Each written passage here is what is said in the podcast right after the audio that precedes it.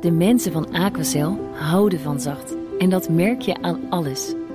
Dankzij hen hebben we nu echt zacht water en een kalkvrij huis. Voor hun klanten zijn ze zacht. Dat zijn ze trouwens ook voor elkaar.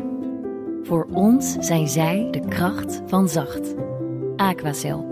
100% zacht water, 100% kalkvrij. BNR Nieuwsradio. De Europa-podcast. Geert-Jan Haan en Stefan de Vries. Privet, goedendag, goedendag. Welkom bij BNR Europa, het programma van Nederland over Europese zaken met blikken naar Brussel en verder buiten. Mijn naam is Geert-Jan Haan en naast mij collega Eurocommissaris Stefan de Vries. Zwekju, dat is Litouws voor hallo en bonsoir. We trekken deze nieuwste aflevering van BNR Europa de portemonnee. Sommige dingen zijn onbetaalbaar. Voor de rest, Eurocard Mastercard. De ideale creditcard. Ja, wij vertellen je hoe het ervoor staat met de plannen van een Europees betaalsysteem. Is de Amerikaanse creditcard bijna net zo dood als de grote kruif? Er komt misschien een alternatief voor de Amerikaanse overheersers Visa, American Express en Mastercard. Met natuurlijk ook een Nederlandse bank aan tafel. Die Ellen, hè, van de Postbank. Die zou zeker gevraagd hebben bij welke bank je zit. Mag ze weten, BNG. Nou, die kruif was overal. Hebben de Europese banken het beste voor met de continentale consument? Of It's a rich man's world. En nu we toch met geld aan het smijten zijn, we gaan het ook hebben over... We gotta be talking about taxes. That's it. Taxes, taxes, taxes. All the rest is bullshit. En het hoge stemmetje is Rutger Bregman. Omdat de Europese Commissie vandaag, woensdag 22 december... met nieuwe fiscale voorstellen is gekomen. Denk dan bijvoorbeeld aan wereldwijde minimale belasting van 15% voor grote multinationals. Maar denk ook aan de aanpak van brievenbusfirma's. Wat mij betreft, in ieder geval zolang als deze dimensionaire periode doorgaat, eh, ben ik daar eh, meer dan geloofwaardig genoeg om daarmee door te gaan. Maar dat is uiteindelijk is het oordeel aan de heer Nijboer. dit is de missionair minister van Financiën Hoekstra op vragen van PvdA-kamerlid Nijboer. En naar eigen zeggen wordt hij in kabinet Rutte 4 weer minister. Kan dat wel met die Pandora-papers in het achterhoofd? Dat Hoekstra bijvoorbeeld op economische zaken of buitenlandse zaken zelfs plaatsneemt. Was dat een retorische vraag, Gert-Jan? nou, dat allemaal nog. En mij stil. Je spreekt boekdelen. We bespreken dat vanavond met onze gasten. BNR's huiseconoom Han de Jong. Voormalig opper-econoom bij ABN AMRO. En hier in de studio is Paul Tang. Hij is Europarlementariër eh, bij de SND namens de PvdA. En bij ons weten de enige Nederlandse Europarlementariër... misschien wel de enige toekoer die afgestudeerd econoom is. Welkom, Paul Tang. Ja? Ja, hij knikt, hij knikt ja. Ja, de enige Nederlandse econoom in het Ja, nee, Europees zit, Parlement. ik zit te denken, we hebben 29 eh, eh, Nederlandse Europarlementariërs. Dus ik ging ze razendsnel in mijn hoofd af, maar ik bleef ergens hangen. Dus het zou Ja. zomaar kunnen. Oké. Je hoort straks natuurlijk het toetje van deze uitzending. Een Europees liedje.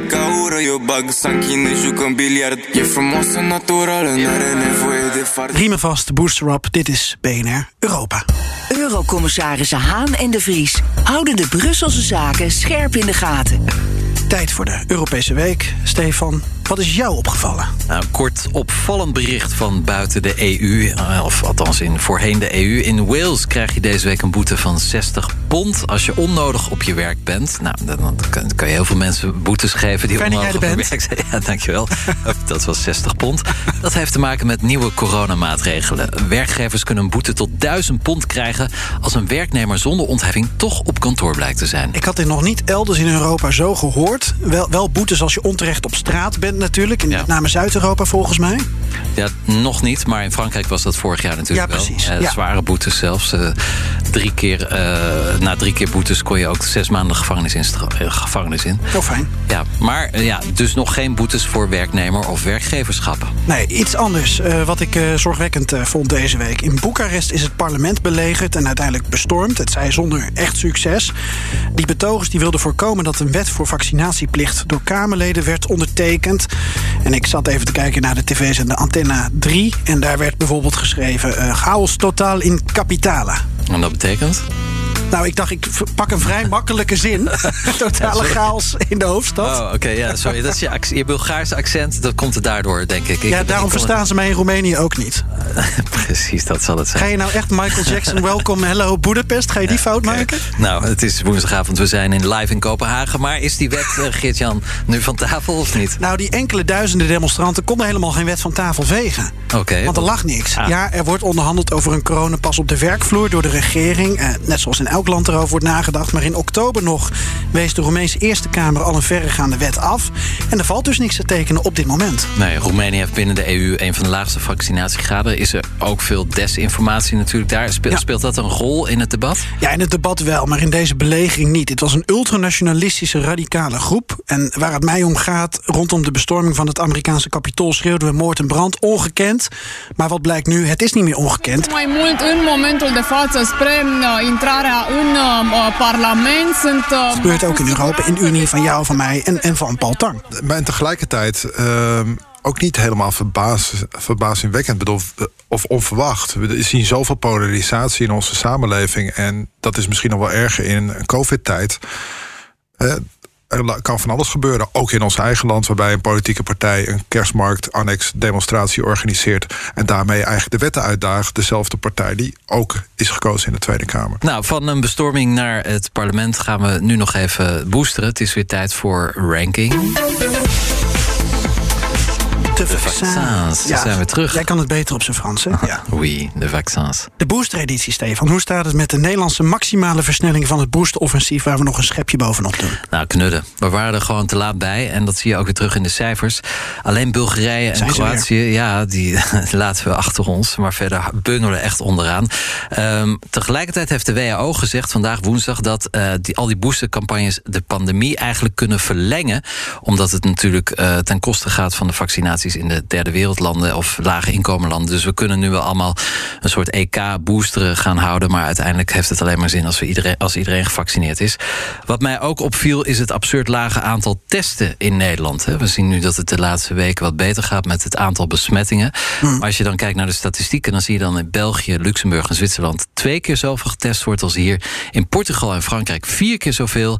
En in Griekenland en Denemarken liefst tien keer zoveel. Dat zijn echt 1G-samenlevingen, zoals de ChristenUnie Nederland dat noemt. Ja, eigenlijk wel. Testen, Iedereen testen, is aan het testen. Ja, ja, en over 1G. Frankrijk wil nu heel snel 1G. En dat wordt dan dat je um, alleen nog maar met een, een, een QR-code uh, kan krijgen als je gevaccineerd bent. Dus al die anderen komen dan niet meer. Oh, dus dat, dat wordt dan de 1G? Dat wordt dan de 1G. En wat wordt dan de testsamenleving? Die is er niet meer. Of gevaccineerd of niks. Min G. Niet. Ja, dus geen testen geen meer. Uh, maar in ieder geval, ja, de, de cijfers. Het probleem is natuurlijk dat die cijfers over de besmettingen slecht zijn te vergelijken. Omdat ik denk dat in Nederland die besmettingen onder andere komt door het feit dat we nu allemaal thuis testen en misschien minder gaan testen. Maar natuurlijk ook door het gekke monopolie van de GGD, waardoor je maar heel weinig testplekken hebt in Nederland. Terwijl in België, Frankrijk, Duitsland, noem maar op, op iedere straathoek getest kan worden. Dus ja, het ziet er niet goed uit. De, cijfers gaan omlaag, maar als je niet test, dan, dan, dan kun je dus ook zeggen dat het goed gaat. Nee.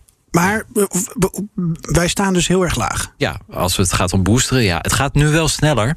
Veel sneller. Eh, dus het kan heel goed zijn dat we over twee weken weer bovenaan liggen. Dat gebeurde ook in de zomer. Hè. We deden ranking de vaccins begin van het jaar in Nederland steeds heel slecht. Op een gegeven moment was er een spurt. En uh, stond Nederland twee of drie. Dus dat kan ook weer gebeuren met die boostercampagnes. Maar ja, ondertussen gaat uh, Omicron vrolijk door. Zullen we het, toch even onze twee Europese gasten erbij betrekken? Zeker. Want in Ierland zit onze huiseconoom Han de Jong. Han, goedenavond. Goedenavond. Zeg, wat krijg je in Ierland eigenlijk mee van die, uh, van die vaccinatiecampagne? Uh, ik mag je natuurlijk niet naar je, je medische status vragen, maar wel naar de informatie die jij uh, ook kan volgen en opdoen. Oh, Oké. Okay. Nou, de, de, het boosteren gaat hier veel sneller dan in Nederland. En ehm, het is alweer een paar dagen geleden dat ik naar die lijstjes heb gekeken. Maar Ierland staat vrij hoog. En het, uh, ja, het is hier allemaal vrij eenvoudig. Um, je hebt zeg maar de, de Ierse GGD. Nou, daar kun je naartoe. Maar de regering heeft ook... Um, uh, contracten gesloten met, uh, met commerciële partijen. En um, uh, je kan dus bijvoorbeeld bij Boots, um, uh, dus een, ja, een, een, een keten van, van een soort etels of drogisterij. Ja. ja, precies. daar kun je gewoon een afspraak maken. En um, dat gaat eigenlijk allemaal vrij snel. En daar, daar kun je gewoon terecht. Dus Um, ja, en men is hier ook behoorlijk tevreden over hoe het gaat. En ik moet ook zeggen dat er hier veel minder. Uh, Paul Tang had het net over de, over de polarisatie. Nou, op, op het punt van, uh, van wat er in die pandemie precies moet gebeuren... is in Ierland veel minder polarisatie dan in Nederland. Ja, Paul Tang, u brengt de grootste tijd uh, door in Brussel. Uh, was u daar al in aanmerking gekomen voor een booster? Zeker. Ik heb al enige tijd een booster. Oh. En uh, maandag was ik op kantoor en uh, mijn assistent van 27 of 28 kreeg ook een booster. Terwijl ik tegelijkertijd in de, de app van mijn voetbalteam lees dat 1961 aan de beurt is. Nederland loopt ongeveer 30 jaar achter. Ja. Dat, is, dat was de conclusie. en de, nou, je lacht, maar, maar ik, ik ja. merk wel dat Ja. Nederland heel graag denkt het beste meisje of jongetje van de klas te zijn. Dat zit, zit een tikje arrogantie in de Nederlandse Mhm. volksaard. Maar we, we liggen bij booster achter, bij testen liggen we achter. Als je in Brussel over straat loopt, eh, dan... Ik heb wel eens gedacht, hé, hey, er is weer een stukje kerstmarkt... maar dat bleek een rij te zijn voor een, test, eh, voor een testtent... Die, daar, die daar regelmatig op straat tegenkwam. Dus Nederland op heel veel vlakken loopt Nederland, eh, Nederland achter. En ook iets zoiets eenvoudigs als mondkapjes... dat is in Nederland veel minder verspreid dan in eh, België of in Frankrijk.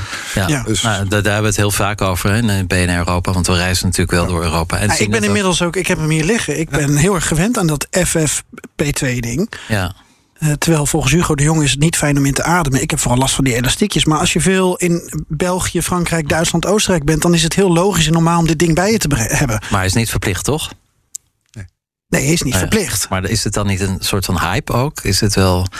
Want het is natuurlijk... Nou, ik ga niet met jou in discussie over de werking van mondkapjes... en welke beter zijn er niet. Nee. Maar eh, waarom zou je het niet doen, is dan Nou ja, vooral ik mijn heb vraag. soms de indruk dat er wel dingen worden besloten, maar puur om, om politieke redenen en veel minder om medische redenen. Ik, ik noemde net de WHO, die boostercampagne is eh, leuk voor ons, rijke lui.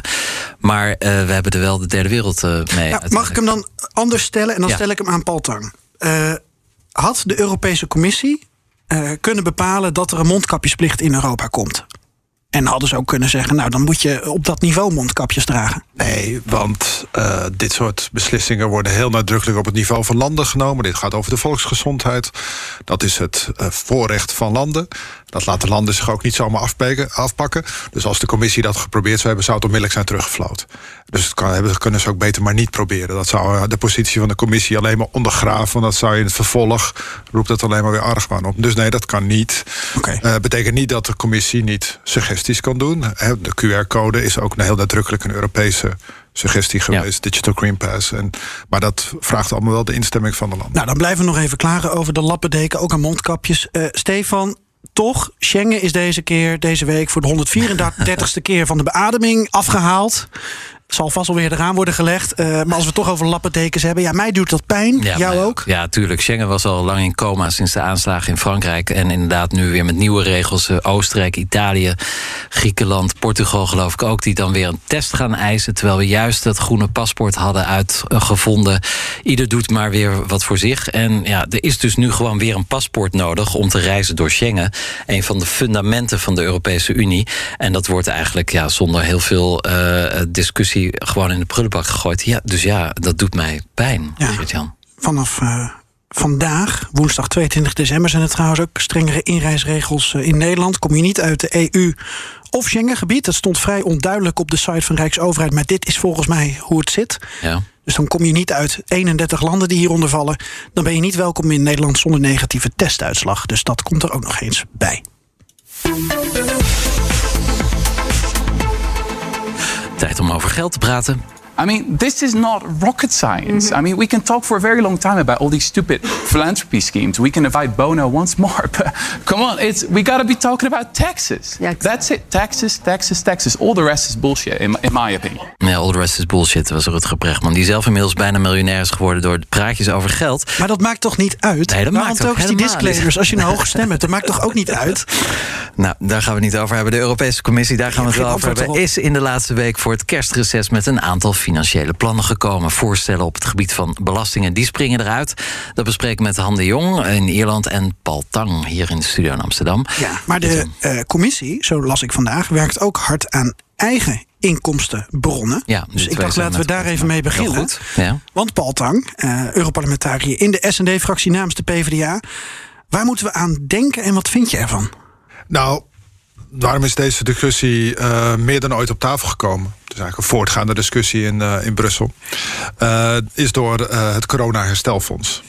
En dus er wordt geld geleend door de commissie. Dat wordt gegeven of weer ge- doorgeleend aan landen. Dat moet op een gegeven moment worden terugbetaald. Dus ook al in de conclusies van de regeringsleiders in juni t- 2020, waarin besloten werd door het corona-herstelfonds, staan al opmerkingen over de eigen inkomsten. En zo wordt daar de mogelijkheid van het digital levy genoemd. Uh, dus dat is vanuit, dat, vanuit die optiek heel logisch. En er zijn ook landen die drukken daar zeer op. Want uh, men vreest dat als je nu niet een, uh, meer, meer inkomsten krijgt, meer eigen inkomsten krijgt, dat naderhand het fonds terugbetaald gaat worden uit de gewone begroting. En met name de netto-ontvangers zijn daartegen. Bovendien, ik denk ten principale uh, dat je een dat de Europese Unie eigen middelen moet hebben. Dat is deel van een democratische afweging. Um, zo, geen um, um, no taxation without representation, maar ook omgekeerd no representation without taxation. Uh, sorry, ik kon dat even niet naar het Nederlands vertalen. We begrijpen dat. Uh, ik zat even te zoeken. Wie, be dus, wie bepaalt, dus, betaalt. Of ja, andersom. Dat, is toch, dat, dat schoot me even te binnen. Ja? Daardoor, maar nee, want deze Engelse toch... uitdrukking is toch mooi. Hè? Ja, vind je? Ja, nou, ik, ik, geef voor. Het gaat erom dat je, een dat je een vol, volwaardige afweging maakt in een democratie. Dat je kosten en baten in één hand hebt. Uh, dus het, het zou ook de Europese democratie versterken, denk ik. Maar dat is, Nederland is dat natuurlijk niet een gemakkelijke discussie. Want nee. Alleen Den Haag kan belasting heffen, dat kunnen de gemeentes niet. Ja. En dat kunnen de Europese Unie niet. Ik denk dat dat zonde is voor de lokale en voor de Europese democratie. Maar goed, ja. heel praktisch gezien moet geld binnenkomen. Een van de mogelijkheden is dus die digital levy, die heel nadrukkelijk werd genoemd. Die is door het OESO-akkoord uh, onder druk van de Amerikanen eigenlijk uit handen geslagen. Daarop is nu een nieuw voorstel van de commissie gekomen. Uh, men heeft binnen de eerste pijlen van het OESO-akkoord, waarbij de grootste 100 multinationals worden aangeslagen. Hij probeert, uh, heeft gesteld de commissie nu voor om een deel daarvan de inbrengsten naar de, de, de Europese kast te laten vloeien. En daarnaast zijn er nog steeds de mogelijkheden van de milieurechten, de, de emissierechten onder het emissiehandelssysteem. Ja. Of de, de importrechten. Uh, de, de, aan de, de, de, de, de heffing aan de grens. Ja, er zit een boel jargon in. Maar, ja, ik probeer het zo simpel mogelijk te houden. Snap maar, ik. Maar er zijn meerdere inkomstenbronnen waarover uh, wordt gesproken, waar nu een voorzet door is gegeven door de commissie. Ja, Zo moet ik het uh, zien. Laten we even vragen aan Han de Jong, huiseconoom van de BNR, wat hij ervan vindt. Han, een goed idee van de Europese Commissie, deze belastingplannen? Een slecht idee of een slecht, maar helaas uh, nu eenmaal onvermijdelijk idee? Um. Nou, weet je, kijk, wat ik daarvan denk is op zich niet zo interessant. Wat, uh, wat, wat Tang zegt, denk ik, is. is nou goed, daar kom ik dan, dan kom ik daar, daar op. Ik zou toch terughoudend zijn. Uh, en, en Paul geeft al, ook al aan dat uh, het in, de, in Nederland een moeilijke discussie is. Um, wij, wij behoren tot de, ja, tot de zuinige staten, of de vrekkige, geloof ik, hebben ze dat ook wel eens genoemd. Ja, niet meer met is... het nieuwe kabinet, hè? De nieuwe regering die aantreedt, die, die, die, die, nee, die strooit kwistig met geld. Ja, dat, dat is waar. Uh, of ze ook zo kwistig uh, met geld willen strooien richting Brussel, dat is misschien een, uh, dat is een andere vraag misschien. Mm -hmm. Maar in ieder geval is er natuurlijk binnen de Nederlandse verhoudingen is er toch wel de nodige twijfel over ehm, ja, wat er dan precies allemaal met dat geld gebeurt. Of dat allemaal goed te controleren is. Of dat geld op de plaatsen komt waar, het, waar het heen moet. allemaal dat soort vragen. en dat lijken mij legitieme vragen. Dus ja, ik zou persoonlijk, als je, je vraagt mij naar mijn persoonlijke mening, zou ik toch ook wel wat terughoudend zijn uh, op, op dit vlak. Ja, maar is het niet onvermijdelijk omdat de, ja, de, de, de belastingmoraal wordt toch internationaler? Uh, ook natuurlijk de economie is zo internationaal dat de nationale belastingssystemen eigenlijk niet meer toereikend zijn. Is het niet toch onvermijdelijk? Nou, dat, dat zijn natuurlijk twee verschillende dingen. Kijk, um, uh, overheden hebben, die hebben allemaal hun eigen, landen hebben hun eigen belastingssysteem. En dat is in, in Europa ook eigenlijk heel vast, uh, heel stevig vastgelegd. Um, uh, en, en ja, het lijkt mij dat uh, als je daaraan wil gaan tornen fundamenteel, dan ik denk dat het een ontzettend moeilijk verhaal gaat worden. Ik denk niet dat er heel veel, uh, dat er heel veel steun voor zal zijn binnen, binnen Europa. Landen willen daar toch wel graag aan vasthouden. Dat geeft ze, dat geeft ze hun soevereiniteit. Ja, Han, je um, kan het niet maar, zien, maar Paul Tang is een beetje aan het zuchten als hij naar jou luistert. Al, niet helemaal, Han. Wat je ziet, hè, dit is natuurlijk wel een hele Nederlandse discussie. Ook een tikje eurosceptisch, de houding die Nederland de tijd heeft gehad. En dat heeft ook te maken met wij zijn het beste jongetje of meisje van de klas. Uh, dat, ik hoop dat dat inmiddels ook wel duidelijk is geworden dat we ook maar een van de, een van de vele landen zijn. Uh, dus uh, Nederland weet het graag beter. Maar wat je ziet in veel landen, dat men ook ziet, er is een Europese aanpak en er horen dus ook Europese middelen bij. Er zijn ook Europese Uh, belastingen kunnen daarbij horen. Te meer omdat het een voortvloeisel is van die Europese aanpak. Als we nu kijken naar de emissiehandel, en dat is gewoon Europees, dat is niet Nederlands, dat is niet Duits, dat is niet Frans, kan je niet toewijzen. Hetzelfde geldt voor de heffing aan de grens. Dat is niet Frans, Nederlands of, of Duits, dat is Europees. Dus daar wordt, daar wordt ook heel nadrukkelijk door, bij aangesloten door de commissie. Om te kijken van nou, daar kunnen de eigen middelen vandaan komen. Daar, daar zit wel, een, zit wel een, toch wel een sterke logica achter. Geert-Jan Haan en Stefan de Vries. C'è bisogno di più giustizia fiscale, soprattutto in un momento come questo. Het is eigenlijk een vorm van fiscale gerechtigheid, zegt de Italiaanse eurocommissaris Paolo Gentiloni in reactie op zijn nieuwste plannen. E renderà più difficile l'accesso ai paradisi fiscali. Ja, een ander heikel punt, de brievenbusfirma's. De commissie doet ook een voorstel om belastingontwijking eh, tegen te gaan. Ja, uh, ultiem effect in uh, de beleving van Paul Tang, uh, zoals ik in ieder geval in het persbericht vandaag, is dat die brievenbusindustrie dan helemaal uit Nederland verdwijnt. Ze had ook heel slim in het persbericht Bono verwerkt. Vervolgens is Bono overal op alle nieuwsites terechtgekomen. ja, is er iemand die je daarvoor wil bedanken? Die dat heeft bedacht? Van je moet Bono en U2 erbij ja, betrekken. Dat, dat, Dan halen we het nieuws. Dat komt haast zoals vanzelf naar boven. Dat uh, Bono is toch een, uh, toch een heel goed en uh, sprekend voorbeeld. Terwijl misschien wel iets van meer van mijn generatie over. maar ik geloof dat mijn, mijn jonge medewerker. Er nog ja, misschien even heel kort uitleggen waarom Bono eigenlijk. Ah, ik, ik, ben zelf een keer naar, naar was ik in Ierland op uitnodiging van het eerste parlement om te praten over Europese winstbelasting. En toen ben ik doorgereisd naar, uh, naar, het, uh, naar het huis van Bono. En ik heb daar de brievenbus uit Amsterdam teruggegeven. mag, mag ik één advies? Mag ik één klein adviesje geven hier? Hier is Ierland. Handen in Ierland. Ja, ja, hier, is, ja hier, is, hier is Ierland. De, de, de jury in Ierland. Nou, ik, ik, ik, woon, ik woon in een plaatsje. Uh, volgens mij woont een broer van, uh, van, van Bono, zoals jullie het zeggen. Maar uh, in Nederland noem, zeg je Bono, maar je moet zeggen Bono. Bono. Okay. Het is een, eigenlijk, in, als je het op zijn Nederlands zou schrijven, zou het met dubbel N zijn. Ik vond dit toch wel de, de, de, de, interventie van deze uitzending, Han. Maar Bono dus, uh, die, heeft een, die is dus eigenlijk, het is een Nederlands artiest. Hè? Zoals Frans Bauer, die past helemaal in dat rijtje. Oké, okay, dan nog één grap over Bono. ik ga hem toch maken. Dan krijg je dus dat Bono in Amsterdam is bij zijn papieren onderneming op zoek naar kerstkaarten.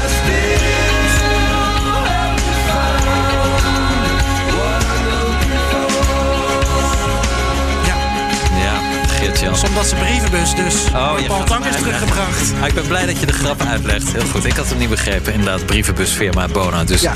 Stel jij dan de serieuze vraag nu? Ja. Uh, nou, heel veel ambities dus van de Europese Commissie... Uh, op het gebied van belastingen en brievenbusfirma's. Maar er is natuurlijk vetorecht. Hè? De ja. fiscale politiek is iets van de landen zelf. Niet van Brussel. Uh, hoe gaat dat dan in zijn werk? Want ik kan me voorstellen... Luxemburg, België, Nederland hebben hier helemaal geen zin in. Nou ja, dit is interessant. Um, er zijn meerdere redenen om optimistisch te zijn. Behalve dat ik van nature optimistisch ben. Um, de, de, eerste is, is dat uh, andere landen er wat degelijk belang bij hebben dat dit gebeurt. Want de grote verliezers zijn, België, uh, sorry, zijn Duitsland en Frankrijk. Ja. En andere landen met een hoog tarief in de, in de winstbelasting. Ten tweede, dat is interessant. Nederland is aan het veranderen. Ja dus er is een omslag in het denken. Ook uh, werkgeversvereniging VNO, NCW denkt niet meer dat brievenbusmaatschappijen goed is voor Nederland. Slecht, ze denken nu het is slecht voor de Nederlandse reputatie. Het heeft eigenlijk niks te maken met onze multinationals. Ja. Dus er is een omslag plaatsgevonden. En ik hoop van harte dat het nieuwe kabinet uh, daarmee aan de gang gaat. Ze hebben meer ruimte dan de voorgaande kabinetten. Het staat ook in het nieuwe uh, coalitieakkoord. Uh, strijd tegen belastingontwijking. Nog niet specifiek.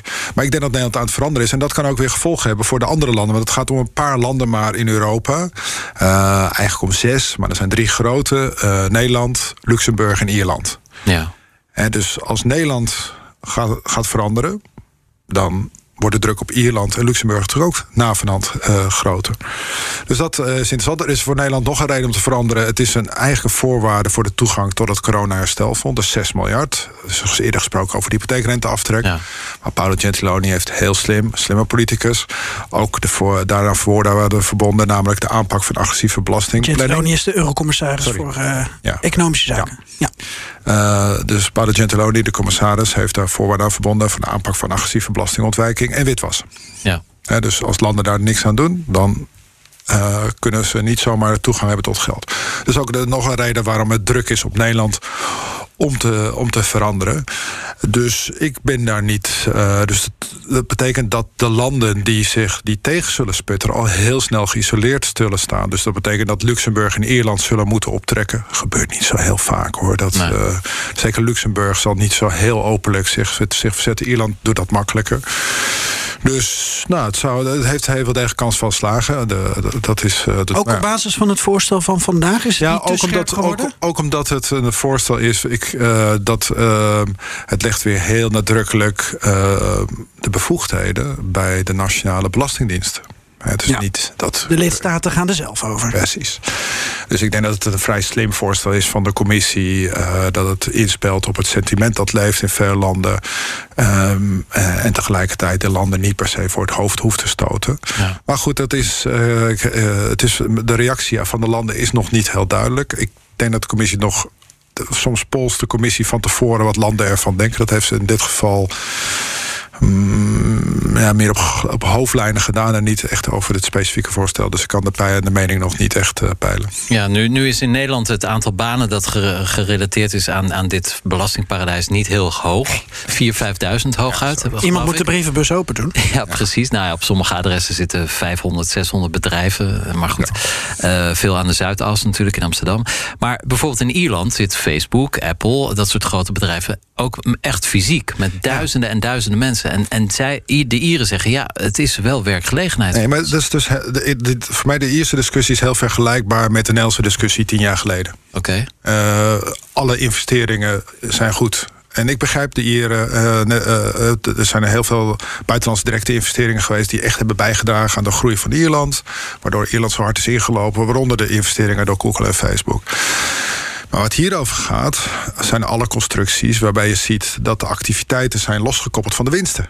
Dus het heeft helemaal niks te maken met investeringen. Het is op papier, is een investering. Mhm. Maar je probeert juist, de, de kern van bij belastingontwijking is dat je de winsten loskoppelt van de activiteiten. Je wilt niet waar je activiteiten hebt, of je productie of je verkoop, daar wil je niet belast worden. Je wil ergens je winst ergens anders belast laten worden. Dus je ziet juist die ontkoppeling. En Ierland is nog. Uh, is, is, ik begrijp dus het Ierse sentiment. Mhm. Vergelijkbaar met het Nederlandse sentiment uh, tien jaar geleden.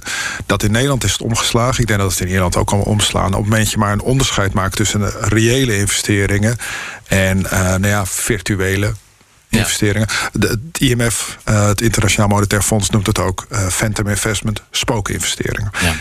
Han, jij zit in het land van Bono, in Ierland. Wat vind jij? Precies. Nou, um, ik, ik ben het met Paul helemaal eens. Hè. Als, als uh, je winstgeneratie, dus het, het, maken van winst en, en, en, je, en je feitelijke activiteit, als dat losgekoppeld, wordt om gebruik te maken van allerlei verschillen in belastingwetgeving, hè, nou, dan is duidelijk sprake van belastingontwijking. En het lijkt mij een belangrijke publieke zaak dat de politiek probeert om die belastingontwijking toch ook zoveel mogelijk tegen te gaan. En uh, overigens, dat, dat bedrijven dat proberen, dat vind ik op zich niet zo gek. Hè, want nou, eigenlijk iedereen die je ken probeert toch uh, in ieder geval niet te veel belasting te betalen. Dus, uh, ja, dus als er verschillen zijn in nationale belastingwetgeving, is dat niet zo gek dat bedrijven proberen daarvan gebruik te maken. Maar dan is het, uh, ja, dan is het aan de politiek om de, de mazen die daardoor ontstaan, om, ja, om die zoveel mogelijk te dichten. Um, ik denk dat. wat Paul zegt, dat, dat klopt ook. Hè. Als je kijkt naar bedrijven als Google en Apple en nou, uh, PayPal, ja, die, die hebben echt hier uh, heel veel feitelijke activiteiten. Um, uh, echt met, met, duizenden, met duizenden mensen. De, um, er is een meer fundamentele vraag. En, en uh, daar heeft de Ierse regering een heel duidelijke visie op. En dat is de vraag of belastingwetgeving een legitiem instrument is in, uh, ja, in je vestigingsplaatsbeleid. En dan moet je je natuurlijk ook wel voorstellen dat als je nou eens even nadenkt over Ierland. Ja, dat ligt aan de periferie van Europa. Het is een eiland. Uh, het, het, waait en, uh, en, regent hier vaak. Ehm, het land heeft weinig natuurlijke hulpbronnen. dus, dus wat moet zo'n land doen? Wat kan zo'n land doen om, om toch ook een beetje op te stomen in de vaart der volkeren. En zichzelf aantrekkelijk te maken als vestigingsplaats. En de Ierse regering ziet dus belastingwetgeving als een legitiem instrument daarin. Ja, oké, ik woon hier al heel erg lang. Ja, ik vind dat daar wel iets voor te zeggen is. Ja, maar zijn de Ieren nerveus op, op wat komen gaat?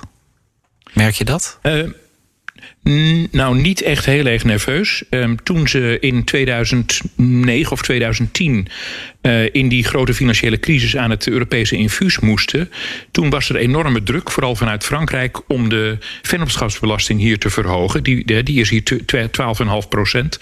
Um, en toen heeft de Ierse regering ja, die druk weerstaan. Um, nu speelt er natuurlijk iets anders. Hè, want nu, want nu, uh, nu wordt er gesproken over, of eigenlijk is dat dan al een akkoord, om een minimumtarief van 15 procent uh, te, gaan, te gaan hanteren. Ja, dat is ook dat vandaag nogmaals benadrukt door de commissie. Hè? Ja, nou, dat gaat natuurlijk voor Ierland betekenen dat ze. Dat, dat geldt dan niet voor alle bedrijven. Hè, maar er zijn, moet je over. over uh, ja, je moet boven een bepaalde hoeveelheid winst per jaar moet je uitkomen. Um, maar voor, voor Ierland betekent dat dat die, die grote bedrijven, zoals uh, Google en PayPal en Apple, die hier zitten, ja, die zullen dus meer vennootschapsbelasting moeten gaan betalen. Um, uh, ja, men is hier eigenlijk wel bij voortduring, maakt men zich zorgen over die discussie over, wat ik net al zei, of belastingwetgeving een legitiem instrument is in de strijd als vestigingsplaats. Um, maar daar is men wel heel erg uh, ja, consistent in. Ik moet ook zeggen, ik weet niet wat Paul daarvan vindt... maar ja, ik vind zelf eigenlijk dat, uh, dat Ierse politici... toch altijd wel vrij vrij slim en, en, uh, en, succesvol opereren.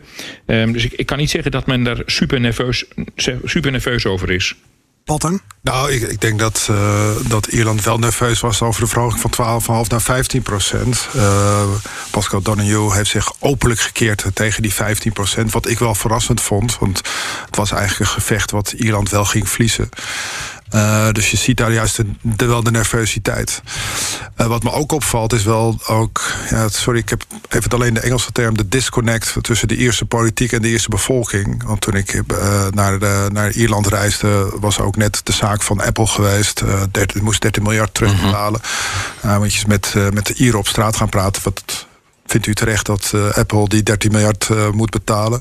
Ja, kom maar, zegt ze. Uh, bedoel, dus die is ja. bevolking. Dus er zit wel een pas op hoor. Dus ik denk niet dat dat standpunt van politici uiteindelijk ook heel houdbaar zal zijn. Mm -hmm. ik, ik, ik, als het openlijk tegen de belangen van de eerste bevolking ingaat, als de druk daar hoog oploopt. Ja. Nog één opmerking. Want ja. het, het, is niet alleen of het een legitiem instrument is. Natuurlijk, het is een legitiem instrument. Belastingen worden gebruikt om investeringen en vestiging uh, te beïnvloeden.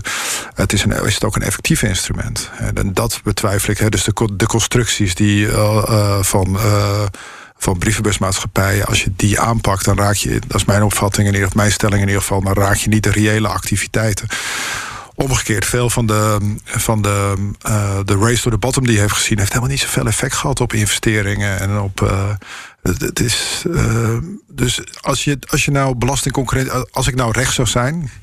en ik zou belastingconcurrentie organiseren. zou ik het echt heel anders doen. dan constructies in de wereld helpen om belasting te ontwijken. Ik zou het veel meer richten op investeringen van bedrijven. zorgen dat er goede investeringsvoorwaarden zijn. Zodat ze ook inderdaad. op het moment dat bedrijven investeren in je land Ierland in dit geval, of Nederland ja. uh, in ons geval, dat ze dan uh, dat uh, de bedrijven weinig belasting betalen. Dat begrijp ik. Maar de, de belastingconcurrentie zoals die nu is georganiseerd, draagt niet bij aan investeringen. Nee. Nee. Ik, ik zit nog met één prangende vraag over Bono. ja, dat kan me voorstellen. We, we, hebben nu... Hoe kan het toch dat hij zo populair is? Was dat de vraag? Nee, nee dat oh, snap okay. ik. Wij zitten hier in Amsterdam. Han de Jong zit in Ierland. Bono komt uit Ierland, maar heeft zijn brievenbus in Amsterdam. Waarom heeft hij zijn brievenbus dan niet in Ierland, Han? Ja. Kun, je, kun je mij dat toch uitleggen? Of, of Paul? Waar, waarom is dat dan het geval? Oeh. Nou, ik moet eerlijk zeggen dat ik dat, ik dat niet zou weten. Maar ik, ik neem aan dat het antwoord is dat de de Nederlandse regelgeving en faciliteiten die, die hij in Nederland kan krijgen, dat die toch beter zijn dan wat hij in Ierland kan krijgen. Anders zou ik het, niet, uh, anders zou ik het echt niet weten. Het heeft te maken, maar, denk ik, met de royalties en uh, wat artiesten. Ah, ja, okay. dat, dat, daar is Nederland heel. Uh... De, mijn, dat zou ook mijn gok zijn. Ja. Over royalties worden geen. over ingaande en uitgaande stromen van royalties wordt geen heffing gegeven door Nederland. Dus, dus Nederland. En dat is ook de reden dat veel artiesten hier dan ja. ook dat, zitten. Overigens, het heeft Bono ook, had ook nog een BV, dat bleek uit de Panama Papers heeft Bono ook nog, Bono ook nog een BV'tje op Malta... dat dan weer investeert weer in Litouwen... waar arbeidsrechten worden geschonden. Een echte Europeaan, zou ik zeggen. een voorbeeld voor en ons Het grappige is, als je hier ja, met, dat moet je ook eens doen, Han. Als je hier met Ieren over spreekt, worden ze erg ongemakkelijk. Want Bono is een Ierse held, zonder meer. Maar ja, dit vinden zeker. ze allemaal ongemakkelijk. Ja. Ja, dat, ja dat is waar. Misschien ik nog, nog één opmerking maken over wat, wat, wat Paul ook net zei over de disconnect tussen de, wat de Ierse bevolking vindt en, en de Ierse regering. Ehm, de, er is nu een, een soort grote coalitie hier. Ehm, maar in de opiniepeilingen ligt Sinn Féin uh, ligt, uh, ver voor op de twee partijen. Eigenlijk zijn er drie partijen in de coalitie. De Groenen zitten er ook bij, maar die zijn hier heel klein. Um, en het zou betekenen dat als. En, en Sinn Féin is, is natuurlijk oorspronkelijk de, de politieke tak van, van de IRA. Um, maar het is wel een, een, een, een hele ja, hard, harde linkse partij. Um, en die hebben over dit soort vraagstukken toch wel hele andere meningen. En ik denk dat er verkiezingen zijn gepland, waarschijnlijk voor over een jaar of twee of zo. Um, en die voorsprong die Sinn Féin in de opiniepeiling heeft, die is dusdanig groot dat het, uh, nou, het zou zomaar kunnen dat, dat die dan toch ook in die eerste regering komen. En dan kan er wel eens een andere wind gaan waaien. Ja, helder. Helder. Uh, wil jij, wil jij nog een vraag stellen? Nee, nee, nee. Zal ik het doen? Duidelijk. Nou, Paul Tang, je had het net al over de Panama Papers. Het was even graaf in je geheugen welke editie ja. uh, qua papers je ook alweer wilde aanhalen. Pandora Papers stond de naam van Wopke Hoekstra in. Ja. En ik zei het aan het begin van de uitzending, want ik vraag het mij af. Um, als je ook met andere Europarlementariërs of mensen in Brussel of Straatsburg spreekt. die een link hebben met Oost-Europa of Zuid-Europa. dan hoor je dat er nog heel veel zeer zit vanwege Wopke Hoekstra. Ja. Nu is ook nog eens gebleken dat zijn naam in die Pandora Papers is opgedoken. En dit gaat me niet om de persoon Hoekstra. Maar hij heeft zelf een aantal dingen daarover gezegd. Hij heeft uitleg gegeven, onder andere aan jouw uh, partijgenoot in, uh, in de Tweede Kamer, uh, meneer Nijboer kan Wopke Hoekstra uh, terugkeren als minister zonder daarbij uh, ja, eigenlijk Nederland uh, te schaden? Dat vroeg ik me heel erg af. Want hij moet ook naar Brussel. Of hij nou minister van EZ is of minister van Buitenlandse Zaken, dan moet hij heel veel in Europa rondreizen. Ja, nou, ik denk dat, dat de reputatie van Wopke Hoekstra en soms ook voor Nederland in Europa niet altijd goed is. En dat zal hem schaden in zijn Europese werk. Dat, daarover daar is geen misverstand. Dat kan zijn als minister van Financiën of als minister van Buitenlandse Zaken. Het zal anders zijn als hij uh, minister van Binnenlandse Zaken. Onderwijs. Cultuur. Ja, noem maar ja. wat. Maar Dan heeft hij, daar, uh, heeft hij daar minder mee te maken. Ik vond het dus ook onverstandig dat hij die constructie niet gemeld had. Want het gaat niet alleen. Ik heb het tegen heel veel mijn, van mijn collega's die ook richting mij, richting mij de Nederlandse minister van Financiën staat in de Pandora Papers. Ja. Zeggen, maar er is geen smoking gun. Het is niet het bewijs dat hij belasting heeft ontweken. Toch vond ik het heel onverstandig. Want het, het gaat niet om de belangenverstrengeling. Het gaat ook om de schijn van belangenverstrengeling. En die heeft hij niet voorkomen. En dat is ook voor een politicus is dat een zonde. Misschien niet een doodzonde, maar wel een zonde. Nee, maar hoor jij ook in. Um, ja, jij zit op al die fiscale economische dossiers. Hoor je dit ook nog wel eens terug? Dat dit ons echt uh, reputatieschade heeft opgeleverd? Tuurlijk. Hoe hij zich rondom die Noord-Zuid-discussie heeft dat, opgesteld? Dat, dat, helpt niet. Uh, dat was uh, bij Bob Koekstra zo. Dat was ook bij Jeroen Dijsselbloem zo. Met drank en vrouwen. De, de, de, de, de, het rumoer wat er dan in de zaal ontstaat... op het moment dat dat bekend wordt... dat is, dat is nou, makkelijk te zien. En ook wel goed na te voelen. En dat helpt Nederland niet. Oké, okay. ja. zou het verstandig zijn? Laat ik hem zo stellen. Als hij zou terugkeren als minister op een positie waarbij hij veel in Brussel en Straatsburg moet zijn? Nou ja, laten we in ieder geval dan leren van de, de lessen uit het verleden. Uh, dus dat zou, uh, dat, dat zou mijn, uh, mijn boodschap zijn. Als je dan terugkeert, bedenk je hoe je in Europa. Kijk, ik heb het, het, vorige kabinet wel eens kwalijk genomen dat men vaak met een verhaal van nee Europa ingaat. Terwijl ik denk dat je echt meer kan bereiken met een verhaal, met een positief verhaal. Uh, en ik denk dat ook, dat ook geldt voor Wopke Hoekstra. Ja, nou dat is wel, als we de, het regeerakkoord of coalitieakkoord ja. mogen geloven, is dat toch wel een hele andere koers die gevaren gaat worden. Ja, dat, uh, ja, dat, dat, het is, het, is, het is, anders dan, dan, ja. uh, dan het vorige coalitieakkoord. En het zal zich moeten bewijzen. Maar die ruimte ligt er, denk ik ook. Ja. BNR Nieuwsradio. De Europa-podcast. Geert-Jan Haan en Stefan de Vries. Das Verständnis aller Marktplayer ist jetzt doch viel schärfer. Wir haben heute Banken dabei, die damals nicht mitgemacht haben, wie die deutschen Sparkassen oder auch die holländischen Banken. Insofern glaube ich, dass da ein anderes Bewusstsein heute besteht und dass der Regulator auch eine ganz andere Position eingenommen hat. Dit is uh, Martina Weimert, CEO uh, EPI, in een podcast van het uh, volgens mij Duitse Financien. Uh, Financene, ja, ik weet nooit hoe, hoe de Duitsers. Finanzscene. Ja. Sorry. Ja. Goed gedaan. Ehm, en zij is dus CEO van EPI. Ja, een heel ander onderwerp. Van belasting naar geld. Nou, we blijven een beetje hetzelfde idee. EPI, het, is, ja, het, het klinkt als een soort uh, een, een, een, hormoon voor wielrenners, maar dat is het niet. Nou, al enige tijd wordt er achter de coulissen, of in de coulissen moet je dan zeggen, of achter de schermen van tussen, de 30 Europese banken tussen. Tussen de coulissen? Ja, dat zou ik. al enige tijd wordt er tussen achter in de coulissen van 30 Europese banken en. Uh, Nee, door. Nee. door. Al enige tijd wordt er achter de schermen bij 30 Europese banken en betaaldienstverleners gesproken over een Europees betaalsysteem, genaamd EPI. Voorheen Pepsi. Dat is geen grap, toch? Dat is geen grap. En er kwam ook een claim uh, vanuit uh, Pepsi, de, de frisdrankleverancier en producent. Die zei van jongens, uh, ja, uh, Epi bruist misschien iets minder, maar ik zou hem omzetten. Die naam, nou weet ik niet. Ik moet bij Epi altijd aan Epi Pen denken. Ja. Maar goed, uh, er is vast uh, over nagedacht. Maar het staat dus voor European Payments Initiative. Ja, en wat is het idee? Nou, het idee is dat we nu heel erg afhankelijk zijn voor onze betalingen van Amerika. Dat is zo gegroeid met onze bankpasjes. Gebruiken we eigenlijk ofwel Maestro, Mastercard, Visa en in mindere mate American Express. Allemaal Amerikaanse bedrijven, maar alle Europese banken gebruiken dat. Dus daar zijn we veel te veel van afhankelijk. Nu uh, hebben dus 30 Europese banken het initiatief genomen om een soort Europese visa te maken. Um, daar is vandaag dat we dit opnemen op woensdag uh, over gesproken. Um, alle partijen zijn bij elkaar gekomen en komen met een conceptvoorstel van dat nieuwe betaalsysteem dat we ons dus uh, ja, in de vaart der volkeren gaat, gaat voortbrengen. En dat we straks alleen nog maar als Europeanen onder elkaar met een Europees systeem betalen. En dat er niet altijd weer een paar promiel of procentjes commissie naar Amerika stroomt. Ja, en de Duitse financieel journalist Christian Kirchner die schreef ook eerder dit jaar dat dit misschien wel de laatste kans voor Europa dan is om Visa, Mastercard, maar ook Alipay bijvoorbeeld ja, uit China. met een eigen lokale betaalkampioen te lijf te gaan. Ja, zijn we lekker laat mee. Uh, in ieder geval doet ook ING. Ik heel cynisch deze uitzending. nou, kijk, het, het, het, ligt heel erg voor de hand. Het is nog natuurlijk heel vreemd dat iedere keer als ik een, een koffie koop bij de lokale barista bij mij om de hoek, dan gaat een, een, een deel daarvan gaat naar Amerika. Terwijl die koffie natuurlijk lokaal wordt gezet. Uh, maar we doen mee. We doen mee. Daar gaat het, daar om, gaat het om. Ja. We, gaan, we gaan de achterstand inhalen. Ja, en, en Nederland doet een mee. booster. En dat doet ING mee. Um, dus die, uh, daar hebben we zowel bij de Nederlandse Bank als bij de European Payment Council gevraagd voor een update van een voortgang van dit initiatief. Maar de kaken worden nog stijf op elkaar gehouden. Echt niemand wil praten. Ik Nee, krijg wel van wat, uh, goed mensen wat, uh, wat linkjes doorgestuurd van kijk hier eens naar, maar dat is het dan ook. Tegelijkertijd roert de ECB zich wel. Uh, de Europese Centrale Bank van de 19 lidstaten die over de euro, uh, op de euro zijn overgegaan. En uh, de ECB, zo interpreteer ik het, zegt. Uh, EPI misschien wel een goed idee, maar dat geldt ook voor een digitale euro.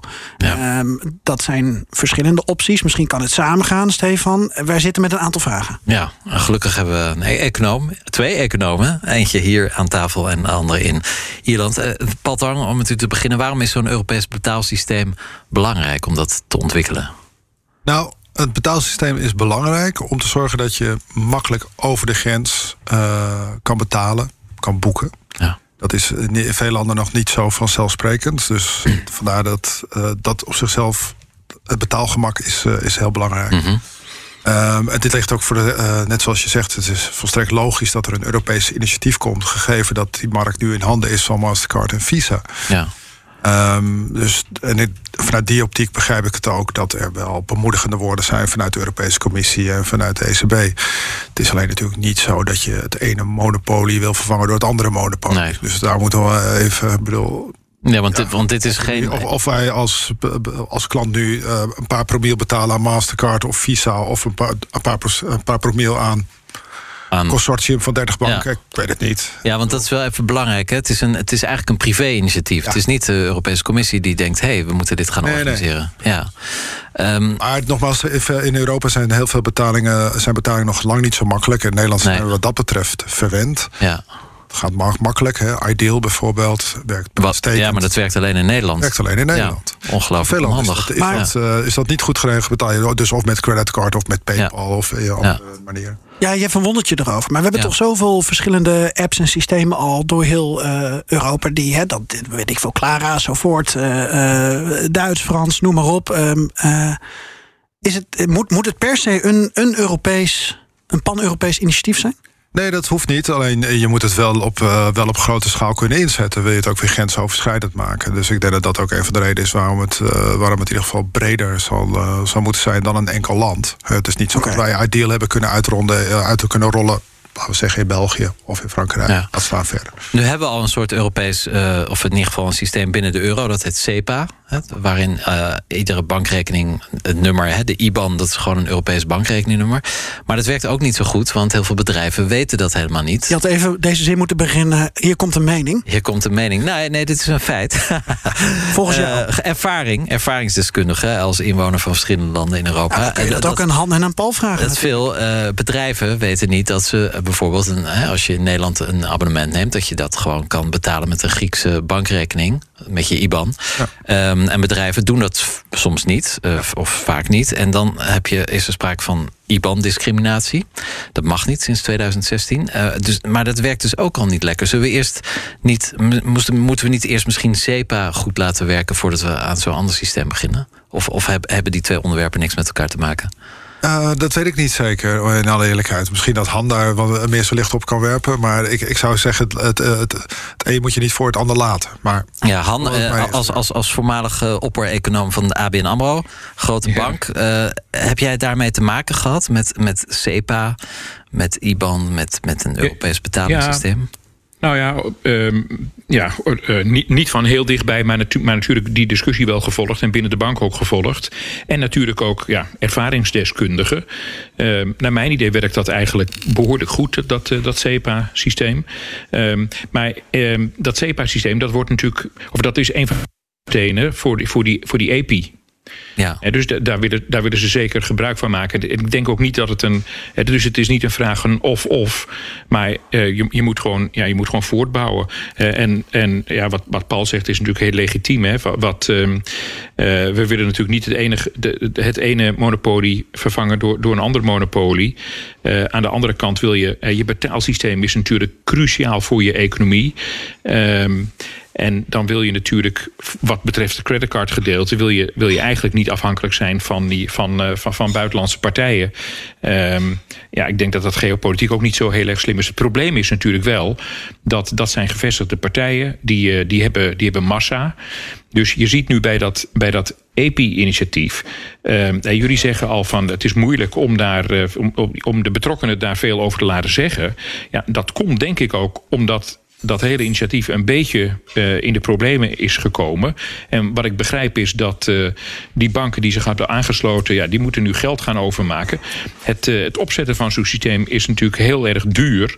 Um, en het is maar de vraag of je, het, ja, of je voldoende, voldoende klanten gaat krijgen. Want als uh, als bedrijven zeggen, nou ja, maar ik, ik, heb al, ik heb al PayPal bijvoorbeeld, en waarom zou ik naar jullie systeem? Ja, dan ben je een heel duur systeem aan het bouwen, uh, uh, zonder dat je die kosten er uiteindelijk gaat, gaat uithalen. En je ziet nu, er was een Finse bank ook bij betrokken, nou die trekt zich terug.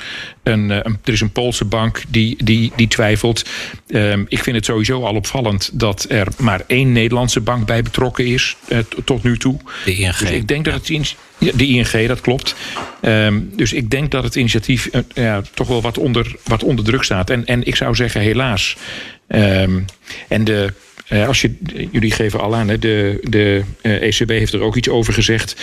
Maar ja, dat is nu toch eigenlijk meer een, soort lippendienst. Die zeggen dat ze het initiatief steunen.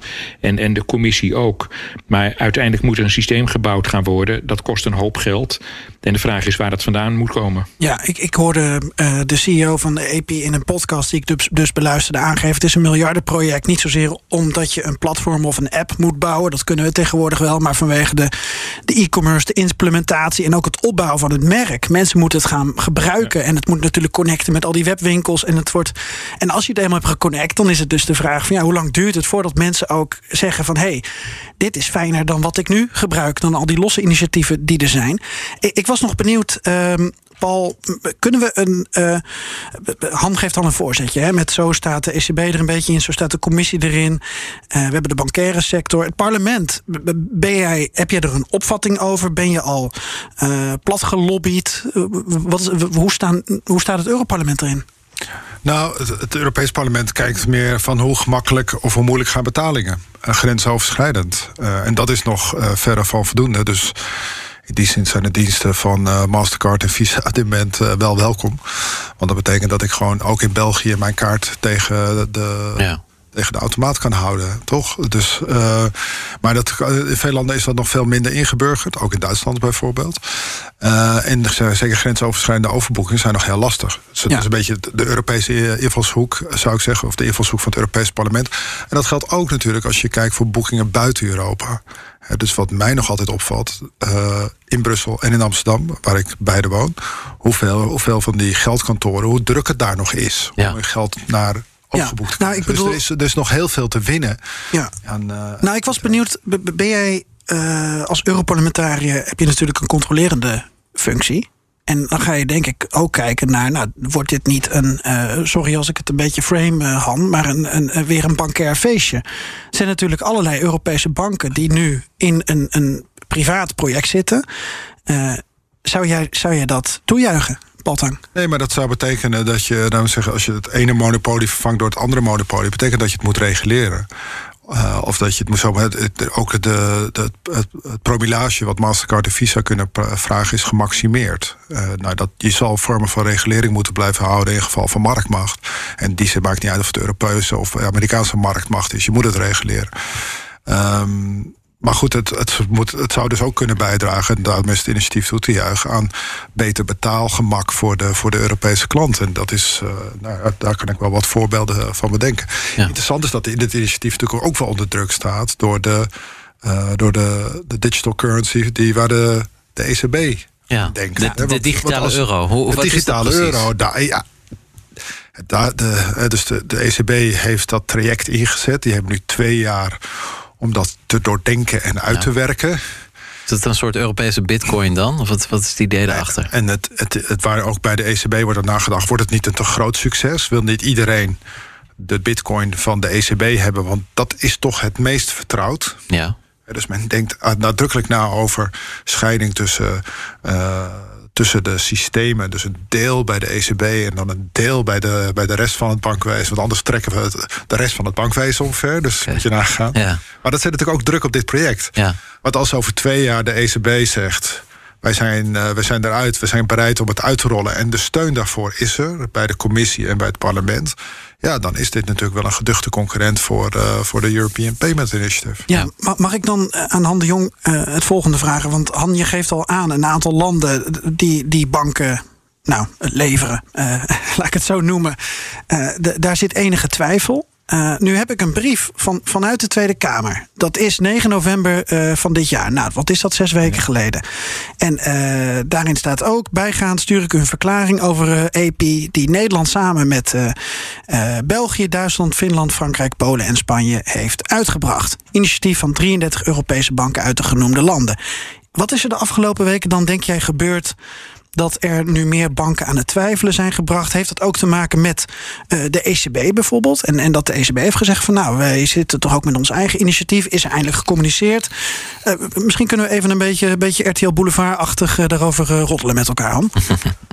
Ja, nou, ik, ik, weet niet of de positie van de banken zo erg veranderd is, maar... Je hebt Hoekstra gestuurd zes weken geleden. Ja, ja, ik vond het, ja, ik vond het persoonlijk een beetje een, rare brief, moet ik eerlijk zeggen. Want er staat gewoon van, we, we, we, steunen, we steunen dit initiatief. Nou ja, dat, dat is prachtig. Um, um, maar de vraag, uiteindelijk blijft wel de vraag: hè, ja, eh, wie is bereid om hier uh, voldoende geld in te steken? Um, en wat we natuurlijk ook niet moeten vergeten, als je nou naar Nederlandse banken kijkt, nationaal hebben wij natuurlijk eigenlijk een heel goed betaalsysteem. Hè? Dat, dat, dat, dat werkt, dat werkt efficiënt, dat is uh, goedkoop. Dat heeft een, een hoop uh, gemak voor de, voor de gebruiker. Um, uh, de, de, en natuurlijk is het ook zo dat, dat verreweg de meeste van de, van de betalingen binnen, ja, van, van, door Nederlandse rekeninghouders blijft gewoon binnen Nederland. Dus, dus de vraag is: hè, wat, wat hebben Nederlandse banken er nou precies bij te winnen? En hoeveel zijn ze daarvoor bereid te betalen? En moeten ze dan ook hun eigen nationale systeem, moeten we dat gaan, gaan, gaan aanpassen? Ehm, waarom wordt de Ideal niet gewoon uitgerold in de rest van Europa, als het hier zo goed werkt? Want ik, ik vind dat heel storend dat ik daarmee op mijn andere bankrekeningen in Europa, niet in belastingparadijzen overigens, uh, daar niks mee kan. Uh, terwijl inderdaad in Nederland werkt het goed. Je zou denken, uh, exporteer het. Ja, ik heb, ik, heb daar, ik heb daar eigenlijk geen antwoord op. En, Maar ik, ik zou dus eigenlijk hopen dat die EPI... dat, eh, dat dat een kader schept om dat, eh, om dat wel te realiseren. en jullie geven natuurlijk ook al aan... De, de, de, de verandert natuurlijk op het ogenblik heel erg veel. En die betaalwereld die is enorm in beweging. we hebben natuurlijk ook gezien dat door de, door de COVID-crisis... Ehm, het, uh, het, het elektronisch en contactloos betalen... een enorme vlucht heeft genomen. Ook in landen waar, waar meestal met gartelgeld werd, werd betaald Ehm, dus dat, dat, is, dat is een enorme verandering. Uh, en, dan, en dan geef je inderdaad aan, ja, dan komt, de, komt de ECB ook nog eens een keertje met zijn eigen digital currency.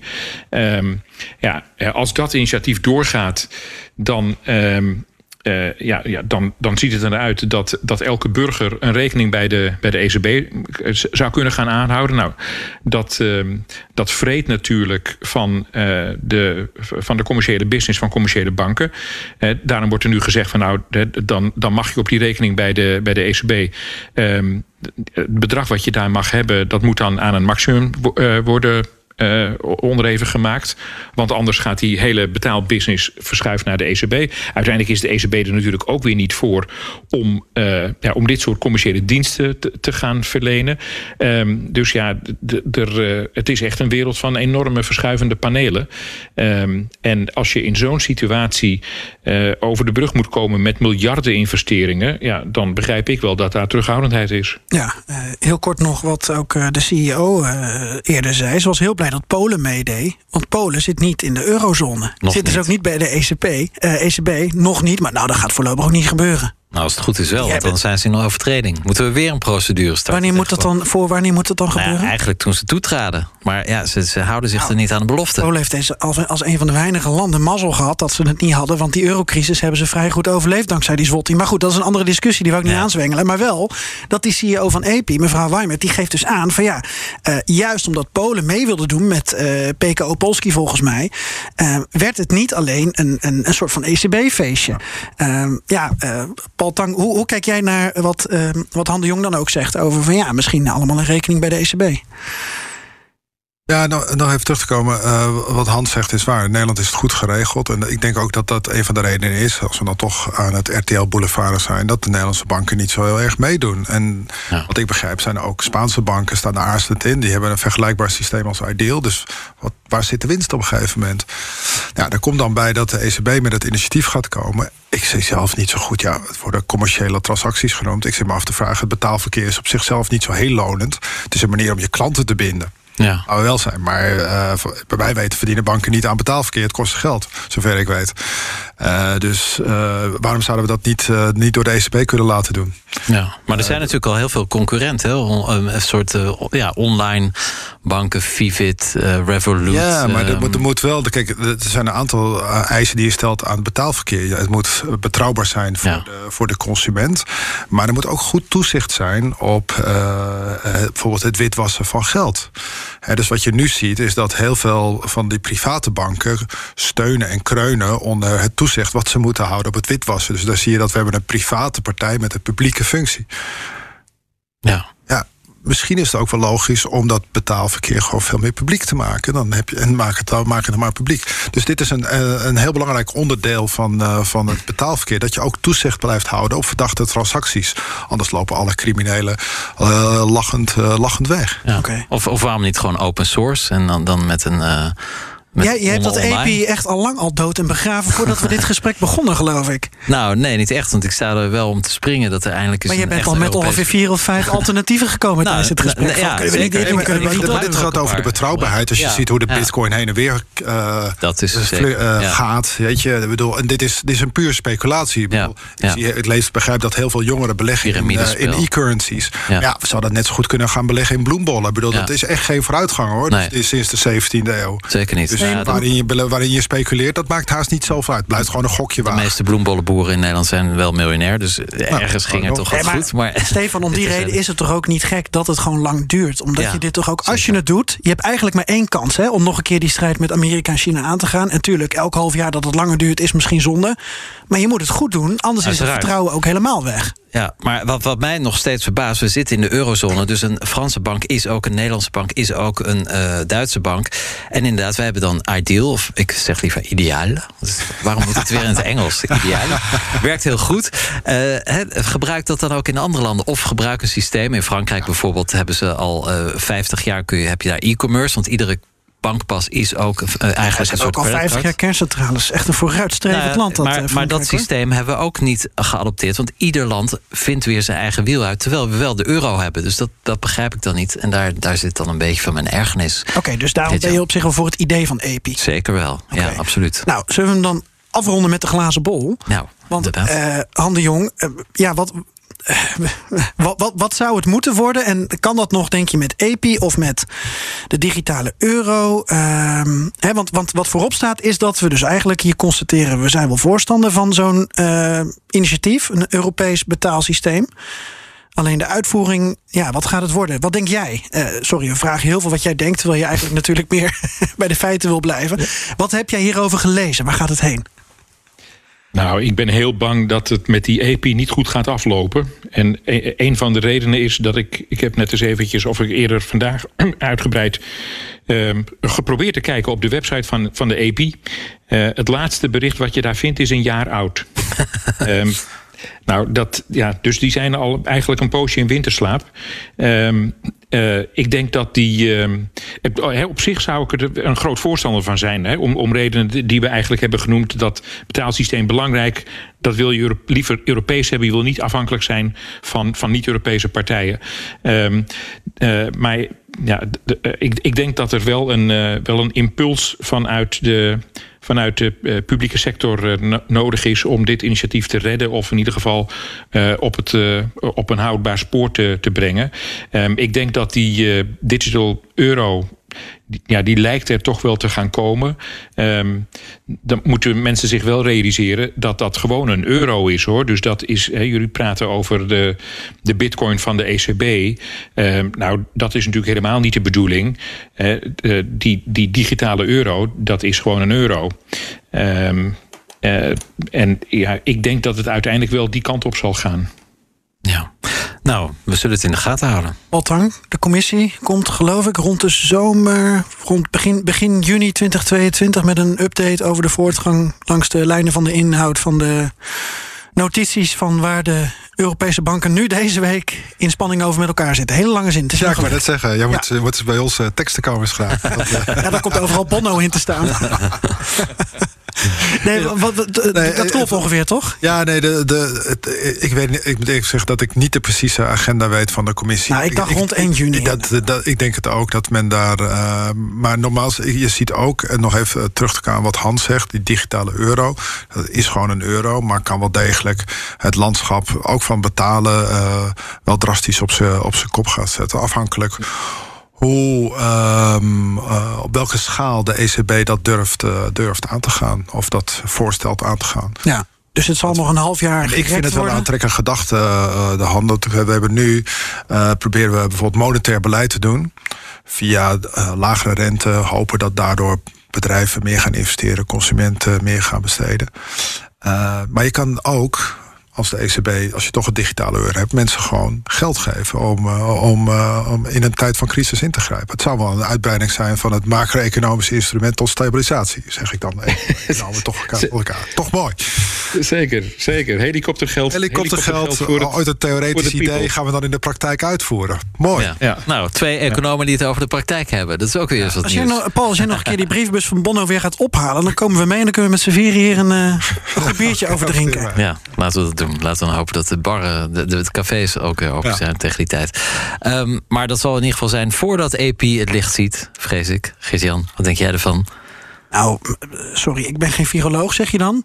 Maar hier heb ik ook. Uh, ja, het is zo'n omerta. Ik heb, e- we hebben echt al uh, ja. de afgelopen twee weken geprobeerd met heel veel mensen hier contacten over te hebben. Ja. Het was echt gesloten. Ja, en ik heb ook nog andere. En dan heb je dus echt Han de Jong nodig, die dan, dan blijkbaar uh, heeft ontdekt dat, dat de vinnen eruit zijn gestapt. Want dat had ik dan nog zelfs gemist of nog niet gehoord. Ja, dat is dan weer mooi voor of. Of, of kan Han de Jong ook. kun, je, kun je Vins lezen, waardoor je dat ergens hebt opgeduikeld op een Suomi-site? nee, nee. Ik weet niet precies waar ik dat, waar ik dat las, maar... Uh, uh, dus, ja, Op welk internet bedoel je? Ja. Bedankt ja, onze gasten. Bedankt voor nu Han de Jong, onze BNR-huiseconoom. In Ierland zit hij. En Paul Tang, Europarlementariër voor de SND-fractie namens de PvdA. Dank voor jullie deelname. De nummer 1 in... Ja, met angst en beven kijk ik er iedere week weer naar uit. Stefan, de Europese nummer 1 hit. Je begint al te glunderen, want je vindt het leuk. Fantastisch. Ik vind het herrie. Wat heb je nou weer gevonden? Nou, het was niet makkelijk deze week, want bijna in heel Europa staat ofwel Mariah Carey op 1, ofwel Last Christmas van Wham op 2. Ja, het was inderdaad zijn laatste kerst. Toen ja, dat precies. Ja. Uh, maar de eer gaat naar Roemenië dit keer, want het is vandaag ook de uh, bevrijdingsdag van Roemenië. Kun nou, dat zeggen? 22 december was de Roemeense revolutie in gang gezet. En dat leidde uiteindelijk ook tot de laatste kerst van uh, Ceausescu. Zowel uh, voor hem als van zijn vrouw Jelena. Ja, dat heb ik nog op uh, televisie gezien. Maar goed, dat was niet de reden dat ja. jij dit nummer nee. hebt uitgezocht. Nee. Even luisteren.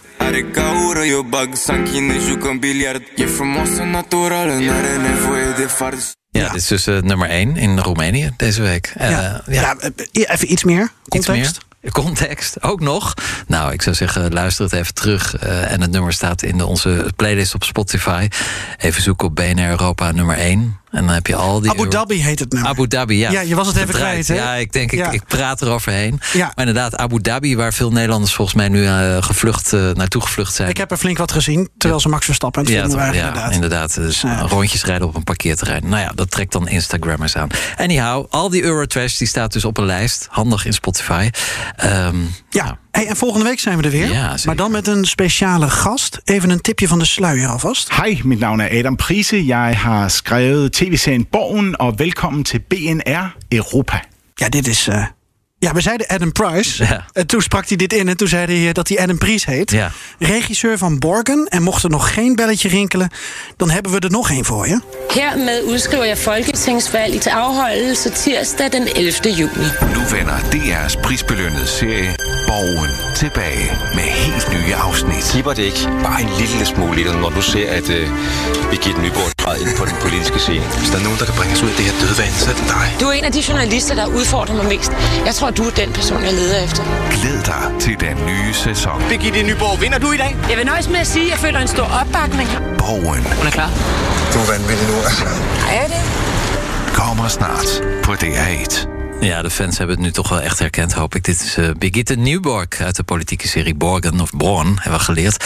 Nou, bijna tien jaar is er volgend jaar een vierde seizoen. En dat is reden voor ons, politieke junkies, om voor onze laatste uitzending van het jaar... Ik zie Paul Tang al oplichten ja, van enthousiasme. De bedenker en producer van deze successerie, Adam Priese, inderdaad uit te nodigen. Ja, een exclusief gesprek over politieke drama's, Europese politiek, Europa in het algemeen en zelfs over eten. Een kerstcadeautje aan jou, de luisteraar. Komende woensdagavond om 7 uur op BNR en natuurlijk ook als extra lange podcast. Ja, dat wordt hartstikke leuk en razend interessant. Voor nu, dank voor het luisteren. Tot volgende week dan. À la prochaine. Hey,